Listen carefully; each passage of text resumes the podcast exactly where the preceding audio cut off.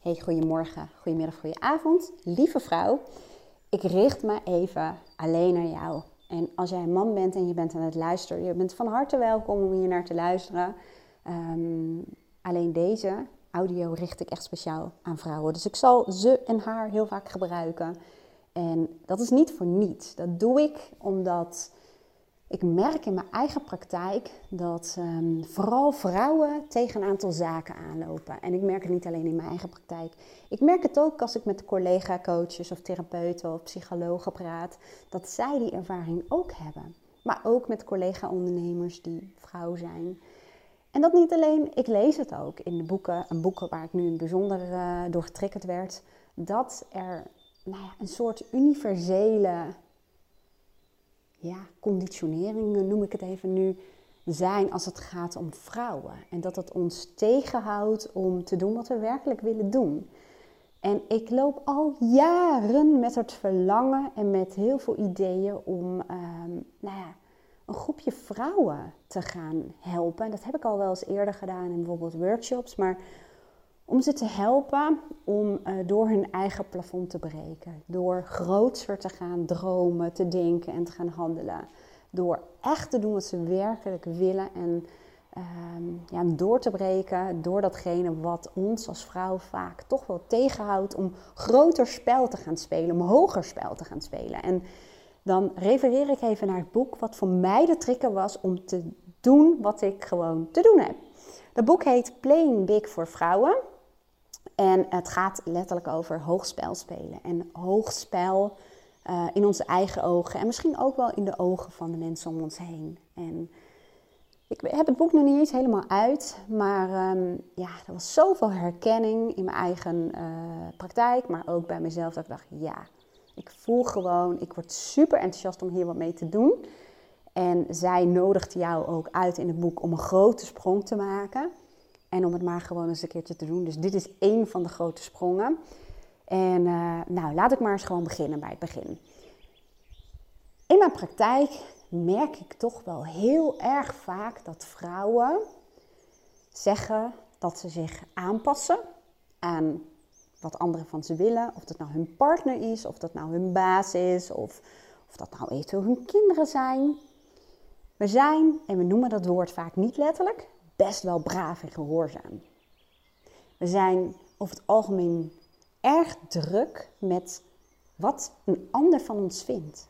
Nogmaals, of dat nou onze partner is, onze collega, onze baas, de, de, de weet ik veel, de buurman op de hoek, noem maar wat. Het maakt allemaal niet uit, maar we zijn, we zijn in elk geval wat ik meekrijg en wat ik bij mezelf toch best wel veel bezig met ja, de goedkeuring van iemand anders. En heel vaak zelfs de toestemming. Dat we het gevoel hebben dat we op de een of andere manier toestemming van de ander nodig hebben om te doen wat we werkelijk willen doen. En ik heb het zelf ook ervaren hoor, want ik heb een hele goede relatie met Aaron en we zijn gelijkwaardig in onze relatie. Jij gelooft in mij, hij vertrouwt in mij. Toen ik fulltime wilde gaan ondernemen, dan, ja, dan, hij steunde me helemaal. Hij geloofde bijna nog meer in mij dan ik. Maar toen ik ontslag wilde nemen, voelde ik gewoon dat er iets in mij was wat van hem wilde horen. Doe het nou maar. Dat heeft hij wel eens gezegd, maar ik zocht dus een andere. Doe het nou maar. En toen vroeg ik mezelf al af, wat ben ik nu aan het doen? Ik voel dat ik uh, aan het hengelen ben naar toestemming van hem, maar wat ben ik nou echt aan het doen? En toen dacht ik, ja, ik vraag eigenlijk toestemming aan mezelf.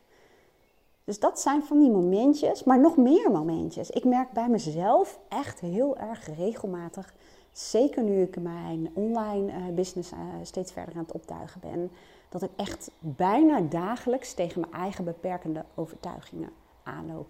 En één daarvan is iets wat gewoon, ik ben natuurlijk coach, hè, dus ik ga graven en ik ga verdiepen en ik, ik wil er boven water krijgen. Dat is gewoon een zinnetje wat zo verankerd is in mijn onbewustzijn. En dat is, ik ben maar een meisje. En rationeel kan ik daar natuurlijk van alles mee doen. En kan ik dat omverhalen. En weet ik dat wij vrouwen superkrachtig zijn. En dat, ehm, nou ja, dat, dat, dat je als meisje juist heel erg in staat bent om grootste dingen te doen. Maar ik ben notabene 44 en ja, ik ben letterlijk en figuurlijk klein van stuk. Ik ben ook niet heel zwaar, dus ja, qua uiterlijk ben ik niet zo erg groot. Waarbij een vriendin en een collega uh, coach zei van, ik ervaar jou helemaal niet als klein trouwens. Dus dat is iets wat misschien ook nog wel een soort van perceptie is. Maar er zit iets in mij van, ik ben maar een meisje. En ik kan het wel plaatsen, want ik weet dat ik vroeger als klein meisje eigenlijk al veel meer van jongensdingen hield. En niet alleen maar, want het was allebei. Ik speelde en met Barbies en ik wilde gewoon op een crossfiets fietsen. En ik weet nog wel eh, dat op de crossbaan um, scheurde ik altijd met mijn gewone fiets. Maar ja, dat is gewoon minder handig. En ik vroeg aan mijn vader een, uh, een crossfiets. En die zei, ja, maar dat is voor jongens. En ik hing ook altijd rond in de schuur. En, en alle technische dingen, die trokken gewoon gigantisch mijn aandacht. En ik heb gewoon mensen vaker horen zeggen: Je bent maar een meisje. Op school ook. Dan hadden we van die knutseltoestanden. En ik dacht, ik vond er echt geen ruk aan. Ik vond het gewoon niet leuk. En dat de jongens gingen dan bijvoorbeeld um, nou ja, buiten uh, gewoon wat stoere dingen doen. En ik kan nog zelfs dat gevoel terughalen van dat het oneerlijk was. Ik kan dat gevoel nog zo ontiegelijk goed naar voren halen. En dat heb ik zo vaak gehad met vrijgezellenparties. Dat ik echt dacht, oh my god, we gaan toch niet echt cupcakes bakken, alsjeblieft. En hoe vaak ik wel niet heb meegekregen van meisjes, jongens, verschil. Ik kan me ook nog wel herinneren dat, um, het is wel een heel persoonlijk voorbeeld, dat we op een gegeven moment op een uh, skivakantie waren met de familie. En mijn vader en zijn vrouw, Aaron en ik. En op een gegeven moment uh, werd er zoiets gezegd als: um, er moet gekookt worden, dus dat doen de vrouwen. Nou, uh, ik schoot echt tegen het plafond. Dan komt er zoveel rebelsheid in mij dat ik denk: what the fuck? Terwijl mijn vader is heel modern hoor, dus even voor de goede orde. Um, en het waren mogelijk misschien maar grapjes, geen idee. Uiteindelijk gingen de vrouwen koken, ik niet. Uh, maar dat zijn van die momentjes geweest die ik zomaar spontaan, zonder nadenken, naar boven kan halen. Waarin het verschil tussen vrouwen en mannen duidelijk werd gekenmerkt. En ik weet ook dat het, dat het nou, als ik doorga, kan ik wel een uur voorbeelden naar boven halen. Waarbij ik me zo diep ongelukkig voelde. Dat de nadruk werd gelegd op het feit dat ik maar dat, dat is een verhaal wat ik me natuurlijk ook zelf ben gaan uh, vertellen, een meisje was. En dat ik niet mee mocht doen met de jongens. Terwijl die veel leukere en stoerdere en grappiger dingen deden in mijn ogen. En um, nou ja, dat, dat. Daar ligt denk ik de oorsprong. En um, wacht even, er zit een wesp achter me aan. Um, er zit dus een wesp achter me aan. Oké. Uh, Oké, nou het kan zijn dat je op een gegeven moment uh, mij uh, iets hoort doen. Oh, hij is naar buiten. Oké. Hij is naar buiten. Lekker of sorry, ik hou niet zo van wespen. Dus even de deur een beetje dicht. Anyway, um, ik heb zelf dus een overtuiging. Ik ben maar een meisje. En dat zit me gewoon in de weg. Dat zit me gewoon in de weg bij mijn groei. En um, ik kom dat gewoon dagelijks tegen. Ik merk gewoon, ik zie dan bijvoorbeeld, um, ik ben in, even kijken, februari open gegaan met mijn online academy. Uh, we zitten nu in uh, april, bijna mei. En je ziet gewoon op social media, zie je allemaal van dat soort berichten van binnen uh, 90 dagen een ton omgezet met mijn online huppeldepup. Um, uh, op één dag uh, 6500 euro omzet gemaakt door uh, de verkoop van dit. En ik weet nogmaals rationeel, ontiegelijk goed, dat er een aantal dingen zijn um, waarin ik nu verschil met die mensen. A, ze zijn over het algemeen al een tijd bezig. Um, soms een jaar, soms twee jaar, soms ook wel korter, maar ze zijn al een tijdje met veel focus bezig dat is wel een beetje, nou ja, hoe moet ik dat zeggen, um, eerder de regel dan de uitzondering. Plus, zij gebruiken over het algemeen een goede marketingformule, die ik ook altijd adviseerde vroeger aan de klanten waarvoor ik dat werk deed, maar die ik zelf niet toepas. En ik weet ook donders goed, als ik dat wel doe, dat ik ook successen kan behalen. Groter dan nu op dit moment met mijn online academy. Maar de reden waarom ik het niet doe, ik weet altijd dat is vaak geen rationele reden. Dat is een dieper liggend iets een weerstand, een, een overtuiging die mij tegenhoudt om te doen wat ik moet doen. Ik weet die formule, hè, die kan ik gewoon dromen. En ik weet wat ik daarvoor te doen heb. En ik weet ook nog dat ik daar gewoon heel erg goed in ben. Dat klinkt ook al niet misschien heel erg meisjesachtig, hè, zou ik bijna zeggen.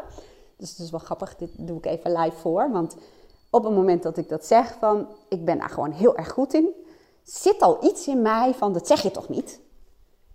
En nogmaals, ik wil niet zeggen dat het per se alleen maar het verschil is tussen jongens en meisjes is. Maar daar kom ik later dan nog wel eventjes op terug. Dus, nou ja, er is dus iets anders wat mij tegenhoudt. En uh, ik ben dat al gaan uh, onderzoeken trouwens. Dat, uh, dat noemen ze de, inter, ehm, de God, interventievraag. Nee, ik ben even ehm, van Marie, Mario Korrel. Nou, ik ben het even kwijt, maar in elk geval is het een opdracht om de waarde van je weerstand te gaan onderzoeken. Ik ben alleen even interventiekaart, dat woord zocht ik. En ik ben gaan onderzoeken wat er grondslag, ten grondslag ligt aan mijn weerstand. En een van de dingen is dat ik bang ben om mensen kwijt te raken als ik heel succesvol word. Ik laat even de definitie van heel succesvol eventjes achterwege. Maar er is bij mij een overtuiging dat er een aantal mensen zullen zijn die dat niet leuk gaan vinden aan mij. En die wil ik niet kwijt.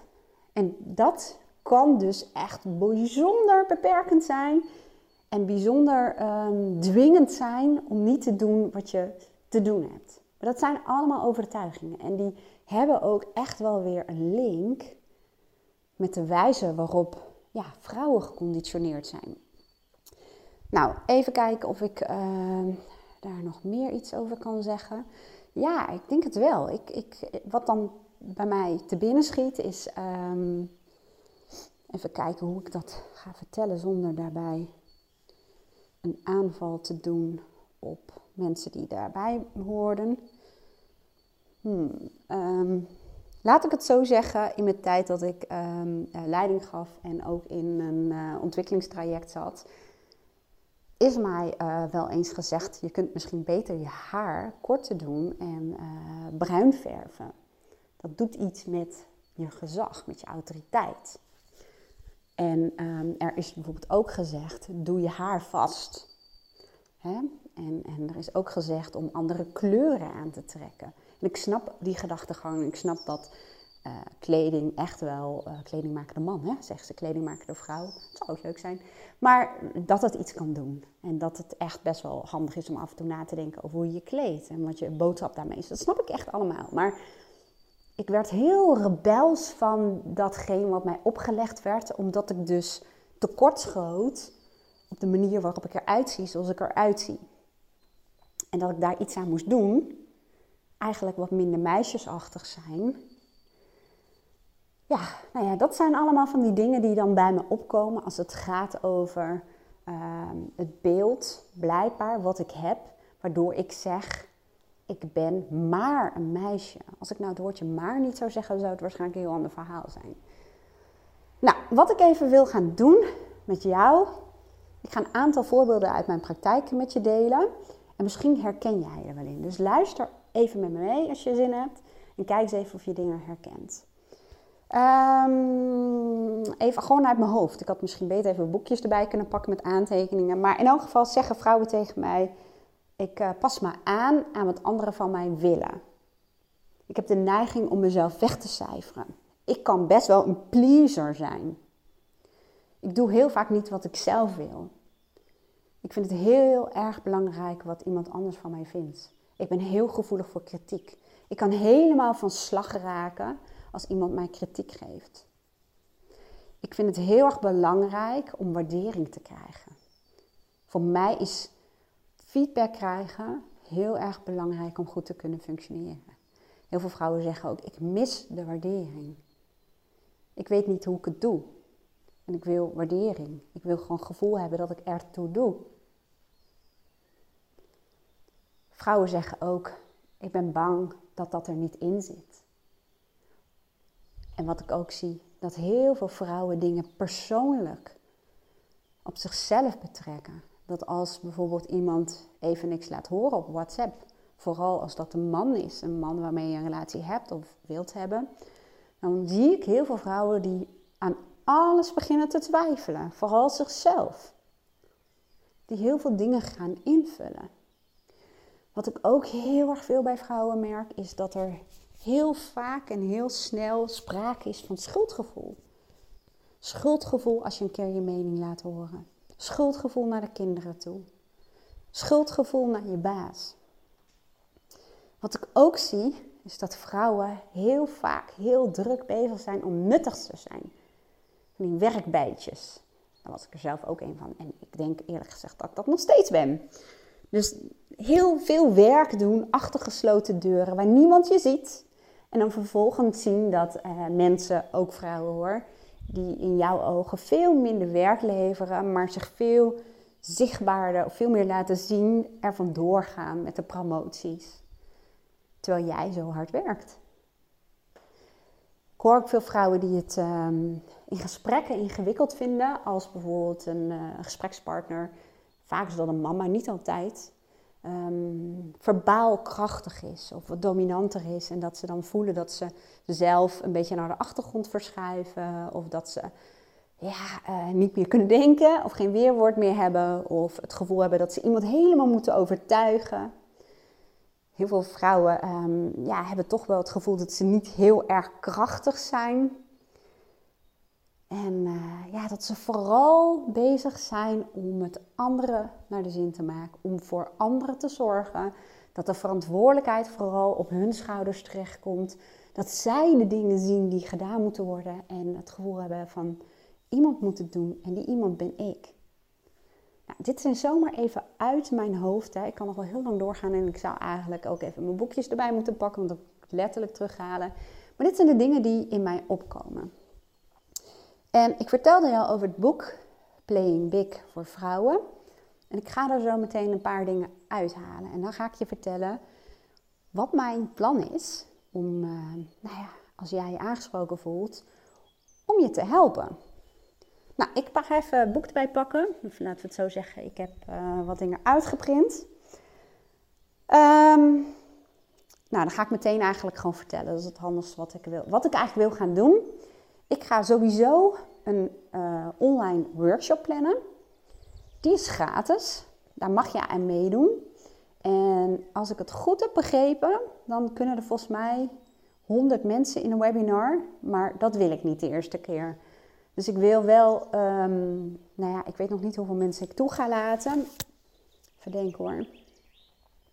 Maar laten we het zeggen, vooralsnog denk ik max 50. Dus ik ga een online workshop geven, gratis, daar mag je bij zijn. En ik ga je gewoon even nou ja, meenemen in wat ik daar ga doen. Wat ik ga doen, en dan refereer ik af en toe even naar het boek, is ik ga je eerst eens vertellen hoe jouw eigen persoonlijkheid in elkaar zou kunnen zitten.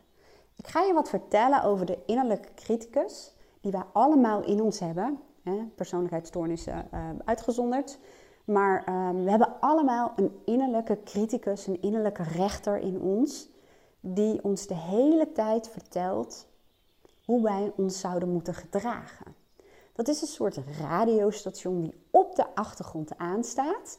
En dan begin ik meteen even met het verschil, hè, wat ik waarneem, en niet alleen ik, tussen de innerlijke rechter van vrouwen en de innerlijke rechter van mannen. De innerlijke rechter van vrouwen is er vaak heel erg op gericht oh, op het uiterlijk. En dat zie je ook als je kijkt, als je de televisie aanzet, dan um, zijn veel reclames gericht op het feit dat je eigenlijk er niet ouder uit mag gaan zien. Dan moet je smeren of je kunt uh, behandelingen laten doen. Um, het is gericht op op haar, op kleding, op, op zalfjes, weet ik het allemaal wel. Want het is enorm gericht op uiterlijk. En je krijgt gewoon het beeld dat jij als vrouw slank moet zijn, jong moet zijn, mooi moet zijn. En ook nog 60 ballen tegelijk in de lucht moet kunnen houden, om het zo te zeggen. Dat is nog een boodschap die ons mee wordt gegeven. En dat zie je ook echt als je naar het strand gaat. Dat kan nu dan even niet wat ik gewoon heel vaak waarneem. Hè? Dan staat er zo'n tentje waar ze patatjes verkopen en ijsjes. En wat ik vaak zie is dat de jongens en de mannen die gaan daarheen in een zwembroek. Of ze nu bierbuik hebben, of een kaal hoofd, of whatever, ze staan daar gewoon. Ik wil niet zeggen dat mannen geen onzekerheden hebben, hè? want dat wil ik absoluut niet zeggen. Maar je ziet gewoon vaak dat vrouwen zo'n, hoe heet zo'n ding, pareo of zoiets, zo'n, zo'n kleed om gaan wikkelen. Of ze doen even een t-shirt aan, of een rokje, of een broekje. En ehm, ja, dat, dat zie je gewoon vaker. Dat ze toch dingen gaan uh, verbergen. En je ziet gewoon dat vrouwen vaker veel drukker bezig zijn met hun uiterlijk. Uh, in gedachten of in de praktijk. Omdat ze altijd wel ergens kritiek op kunnen hebben. Nou, dat, wat ook een soort conditionering is, is dat je als vrouw lief, gehoorzaam en braaf en bescheiden moet zijn. Dat, dat zie je gewoon nog steeds, ook al zijn we, hebben we de emancipatie gehad en ook al zijn we gelijkwaardig en dat soort dingen. Maar er is echt waar een verschil tussen opvoeding van jongens en meisjes. Er wordt al vaak gezegd, doe even rustig, of dat is niet zo netjes, of dat is niet zo, dan ga je het, zeg je niet over jezelf. En ja, het is niet voor niks dat uh, jongens en mannen vaak uh, uitbundig scheten en boeren laten. En het nog grappig vinden ook. En wij vrouwen gaan dat natuurlijk niet doen. Ik zeg nog altijd tegen meisjes boeten niet. Hè, zullen we maar zeggen. Maar mannen, die, dat is, dit is gewoon conditionering. Dit is gewoon, ja, opvoeding. En heel vaak is dit is ook nog gewoon een erfenis van een tijd waarin wij vrouwen simpelweg afhankelijk waren van mannen om te overleven. Dat is helemaal nog niet zo heel erg lang geleden. We hadden geen bezit, we hadden geen geld. En uh, ja, we waren afhankelijk, we hadden ook heel veel rechten bijvoorbeeld nog niet, van mannen. Waardoor onze focus meer kwam te leggen op het goed doen voor de mannen. En dat vertaalt zich in uiterlijk. Hè? Van om er goed uit te zien, zodat je meer kans maakte om in geval bescherming van de man te krijgen. En als je denkt, waar gaat het over? Het gaat over de erfenis die nog in onze ja, conditionering verschoven ligt. En in onze overtuigingen. En ehm, we waren als vrouw vaker in een groep van andere vrouwen. En um, we waren daardoor ook veel meer gericht op harmonie in een relatie behouden. Harmonie in een, in een relatie met, met, met een man, maar ook in de groep. We waren veel meer gericht op het um, alert zijn van verstoringen van de harmonie. En op gericht om die harmonie weer terug te krijgen. Of om in elk geval te zorgen dat dat uh, niet tot conflicten leidde, om het zo te zeggen. Dus um, dit zit nog allemaal. En natuurlijk zijn er heel veel mensen die al veel ja, bewuster hiermee bezig zijn. Maar dit zit gewoon nog in ons ja, DNA, zou ik bijna zeggen. Dat, dat is misschien niet helemaal het juiste woord. Maar je ziet dit gewoon terug in opvoeding. Je ziet dit terug in scholen. Er worden gewoon van jongens en mannen andere dingen geaccepteerd die van vrouwen op de een of andere manier ja, minder geaccepteerd worden. En, en bij wijze van spreken zelfs worden afgestraft met kritiek. En je ziet het ook gewoon vaak dat meisjes gewoon uh, ja, wat zorgzamer zijn over het algemeen. Hè? Dus ik blijf natuurlijk zeggen dat het. Ik blijf de hele tijd um, zeggen van uh, dat geldt niet voor iedereen, maar daar ga ik nu even mee ophouden. Dat snap je zelf ook wel. Maar um, je ziet ook dat, dat meisjes en vrouwen vaak zich ja, wat zorgzamer opstellen of zich wat verantwoordelijker voelen voor bepaalde zaken. En ja, wat minder van zich laten horen. En uh, nou ja, dat zijn van die dingen die, die gewoon ingesleten zijn in onze ja, persoonlijkheid. Dus ik ga als eerste met jou samen doornemen van hoe herken je jouw eigen innerlijke criticus? Wat zegt jouw innerlijke criticus eigenlijk? Wat zijn de normen van jouw innerlijke criticus en waar komt dat vandaan? En vervolgens wil ik gewoon gaan kijken, maar wat is belangrijk voor jou? Wat zijn jouw eigen persoonlijke waarden. En welke normen horen daarbij? Welke zouden beter dienen? Welke dingen mag je afscheid van gaan nemen? En mag je vervangen door normen waardoor jij je in elk geval een stuk beter gaat voelen en veel meer tot je recht zult gaan komen. Um, dus dat. Um, vervolgens, ik kijk, ik spiek even hoor op mijn uh, blaadje. Vervolgens ehm, ga ik ook uitleggen wat ik nu eigenlijk ook doe van uh, nou ja, hoe, dat tot stand is gekomen. En ehm, ja, ik ga wat dingetjes eh, voorlezen uit het boek van Tara Moore. Dan wil ik naar een volgende stap gaan om, ehm, ja, om te kijken naar je innerlijke mentor. We hebben als het ware allemaal een soort innerlijke mentor in ons zitten.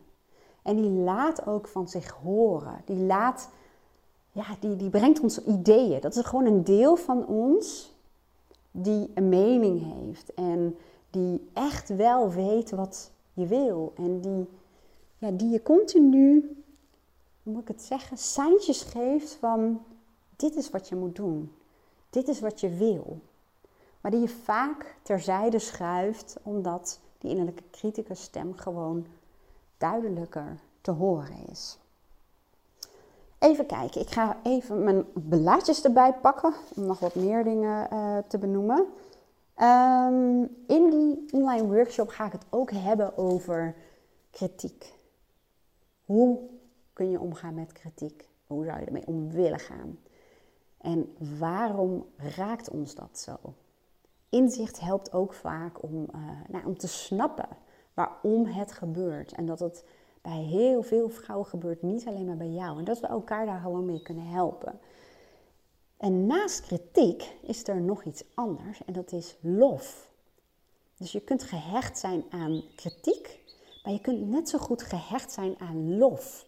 En dat is wat je vrouwen hoort zeggen vaak, dat ze die waardering willen hebben, nodig hebben, of erkenning, of willen horen dat ze het goed doen, of die toestemming. En dat ze ehm, ja, vooral gedreven worden door, door die lof. En dat kritiek ze zodanig onderuit kan halen dat je misschien verstart of ergens mee stopt, wat best heel groot had kunnen worden. Nou, die kritiek, die ga, daar ga ik ook dieper op in, want ehm, heel veel kritiek komt ook vaak voort uit je directe omgeving, je familie of je partner. En um, wat nou, niet alleen maar bij mannen, of bij vrouwen is, maar ook bij mannen. En dat heb ik ooit in het begin ook gehoord toen ik ging ondernemen. Van als je nieuwe ideeën hebt als het gaat om je bedrijf, deel ze dan niet snel met uh, je directe omgeving. Behalve als die mensen je echt zullen steunen en echt luisteren en um, nou ja, je kunnen motiveren. Want je directe omgeving, je familie, dat, die zitten niet in hetzelfde waar jij in zit. Die hebben vaak een aandeel in het systeem waar jij onderdeel van uitmaakt. Die hebben vaak een belang. Die hebben hun eigen mening, hun eigen visie. En die zullen over het algemeen je eerder um, nou, stoppen of, of terug willen brengen waar je was. Niet bewust, hè? En die zullen vaak niet steunend zijn en in je geloven. Hoe raar het ook klinkt, maar dat is ook iets wat gewoon heel vaak voorkomt. En toch zie je dat mensen, in dit geval dus niet alleen vrouwen, dat soort ideeën, vooral als ze pril zijn, wel vaak delen in de directe omgeving en dan gewoon niet meer doorgaan, omdat ze daar zoveel kritiek over zich heen krijgen. Dat is gewoon een afbreukrisico. Dus ik ga je wat vertellen over kritiek. Ik ga je wat vertellen over kritiek uit je directe omgeving en hoe je dat dus wel kunt doen, zodat niet al jouw briljante ideeën bijvoorbeeld al sterven. Um, ik ga je vertellen over uh, twee soorten angsten die er zijn. Een angst die heel erg uh, belemmerend werkt en een angst die eigenlijk meer opwinding is. Die ook hoort bij um, nou ja, het, het, doen van nieuwe dingen, het, het, zetten van stappen die zorgen dat je groeit. Even kijken, nou ik ga heel veel, niet heel veel, maar ik ga toch wel echt goed diep in over die braafheid en gehoorzaamheid. En um, ja, dat er gewoon een duidelijk verschil is uh, tussen mannen en vrouwen. En wat wij daarbij kunnen leren van mannen. Dan ga je ook vertellen waar het vandaan komt. En dan zul je denken, ah, nu snap ik het. En, um, en nu kan ik hiermee aan de slag. Even doorbladeren. Even kijken. Kritiek heb ik al met je doorgenomen. Um, nou, je onthechten eigenlijk van kritiek, maar ook van um, de behoefte aan waardering en, en, lof. Even kijken. En volgens mij, ja, dat is ook nog wel iets leuks om nog even te delen. Waar ik het ook met je over ga hebben, is dat Tara Moore noemt dat Manieren waarop we ons verstoppen en hoogspel spelen uitstellen. Nou, ik, in mijn praktijk noem ik dat meer um, weerstand. De weerstand die wij hebben en de overtuiging die we hebben, waardoor wij niet doen wat we diep in ons wel zouden willen doen. En het briljante is dat zij dingen opschrijft waarbij ik alleen maar kan zeggen: ja, ja, ja, ja, super herkenbaar bij mij, bij de mensen in mijn praktijk, bij mijn vriendinnen. Ehm, we gaan vaak uitstellen. Nee, we moeten eerst dit doen en dan dat doen en dat kan ik nog niet goed genoeg. En uh, nou, daar moet ik nog gaan werken. Um, of heel veel dingen uitwerken achter je laptop en niet de wereld inslingeren. Dingen veel te ingewikkeld maken en de hele tijd maar beter maken, dus perfectioneren. Um, ja, bijvoorbeeld meegaan met anderen. Dat je bijvoorbeeld een onderdeel van iets wordt terwijl het jouw idee is. Dat zie je ook heel vaak gebeuren. Je eigen verhaal niet durven delen. En och, deze hoor ik zoveel in mijn praktijk. Vrouwen die zeggen, ik moet eerst nog een opleiding doen. En hebben ze de opleiding gedaan. Zeggen ze, ik moet eerst nog even, uh, ja, toch wat oefenen. Ik moet wel uh, misschien toch nog even wat trainingen erover doen. Of uh, ja, ik denk dat ik nog niet goed genoeg ben. Ik, want ik luister naar anderen en die weten het allemaal zo goed. Ja, dan kom ik aan en ik weet niet alles zeker. Dus kennis vergaren, kennis vergaren, meer opleidingen en dat soort dingen doen. Um, dus nou ja, dat eigenlijk. En dan tot slot, even kijken of ik dan alles uh, heb. Is um, ja, ten eerste achterhalen van wat zou je nou het liefste willen doen? Of wat zou je nou het liefste meer willen doen? En dat gaat om projecten, het opstarten van een bedrijf, maar het gaat ook om dagelijkse dingen, zoals je mening laten horen, zeggen wat je er echt van vindt, taken beter verdelen, jezelf tijd gunnen zonder schuldgevoel meer opeisen van hetgeen waarvan je diep van binnen voelt dat dat belangrijk voor je is. Dus het gaat ook om dingen op dagelijks niveau. Om door te lopen, ook op het moment dat je voelt dat een ander jou niet steunt, of het niet ziet, of je niet begrijpt, of er helemaal op tegen is, terwijl jij voelt dat dat is wat je zou moeten doen. Nou, dat zijn onderwerpen die aan de, in de workshop uh, naar voren komen. Ik zal het al heel kort nog even samenvatten. Ten eerste gaan we samen kijken naar, goh, je hebt een innerlijke criticus. Wat zegt jouw innerlijke criticus? En welke dingen zijn best wel heel erg herkenbaar voor als je een vrouw bent? dat alleen al zal het ijs breken. En dan zal je merken dat er wat voorbeelden komen van andere mensen. En ja, dat het zo duidelijk is dat we heel veel met dezelfde dingen lopen. En dat het al zo prettig is als je voelt, wauw, er zijn andere vrouwen zoals ik. Het is, ik merk gewoon, het, het verbindt. Vervolgens um, gaan we kijken, goh, wat voor erfenis is er waar wij gewoon nu op dit moment nog last van hebben. Hè? Die braafheid en die gehoorzaamheid en wat minder zichtbaar zijn en die verantwoordelijkheid en die zorgzaamheid. Dus dat. Um, en vervolgens gaan we kijken, maar we hebben ook kanten in onszelf die ons kunnen dienen. En dat is bijvoorbeeld je innerlijke mentor, maar we hebben ook een zelfverzekerde kant in ons of misschien hebben we wel een, een, zakelijke kant in ons, een zakenvrouw in ons. Of nou ja, whatever je op dat moment ook nodig hebt om verder te kunnen komen. Nou, dat is ook iets. Ik wil ook daarna afronden met, ehm, ja, wat zou jouw volgende stap zijn? Wat is iets wat jou heel lang wilt, of dat nou klein of groot is, en waardoor je je eerder liet tegenhouden? En wat heb je op dat moment nog nodig om dat te gaan doen? En welke steun heb je nodig om dat te gaan doen. Dit is gewoon een vrijblijvende workshop waarin ik jou aan het einde vooral ga leren om zelf bewust te werken met je innerlijke criticus. Ik persoonlijk zal nooit zeggen dat je je innerlijke criticus moet overwinnen. Ik geloof daar niet in. Want als je probeert te onderdrukken of als je uh, probeert te negeren, gaat het over het algemeen alleen maar harder roepen. Het gaat erom dat je luistert naar wat zegt mijn innerlijke criticus. En dient dit mij? En dat je het als een soort supportive partner gaat gebruiken. Je innerlijke criticus, dat kan gewoon een, een kritisch deel zijn in jou die je scherp houdt. Maar niet die je verlamt, om het zo te zeggen. En die je klein houdt. En eh, tot op de grond af afbrandt, om het zo te zeggen. Er zit gewoon een beschermingsmechanisme achter. Jouw innerlijke criticus wil jou gewoon simpelweg beschermen. Nou, hoe dat precies werkt, ga ik je dus uitleggen.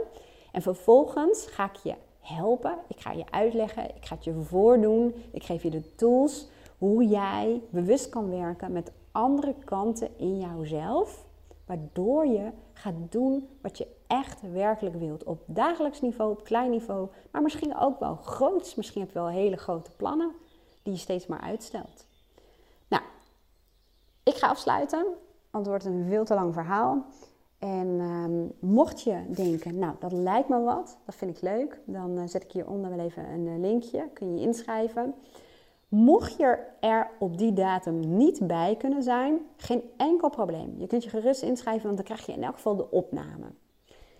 Mocht je echt zeggen, ik wil per se er live bij zijn, dan, uh, ja, dan uh, wou ik iets, denk ik, voor, ik wilde zeggen, dan plan ik gewoon nog eentje. Maar dat is natuurlijk nogal een belofte die ik maak. Laten we het zo zeggen. Mocht jij op die datum niet bij zijn, en je zegt maar, ik wil zoiets wel live doen, dan neem even contact met mij op. Want um, ik ga alleen maar een tweede plannen als er natuurlijk ook gewoon simpelweg behoefte aan is.